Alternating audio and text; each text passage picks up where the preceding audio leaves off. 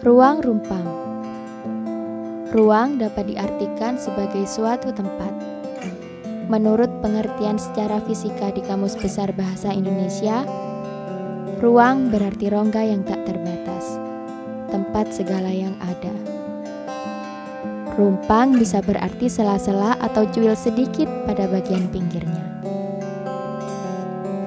Segala sesuatu di alam semesta ini seperti ruang rumpang.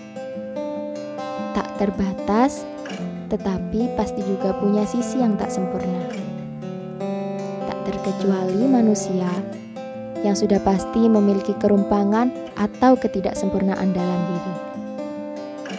Semoga ruang rumpang ini bisa menggenapkan jiwa-jiwa yang ganjil serta menjadi teman baik untuk telinga yang setia mendengar.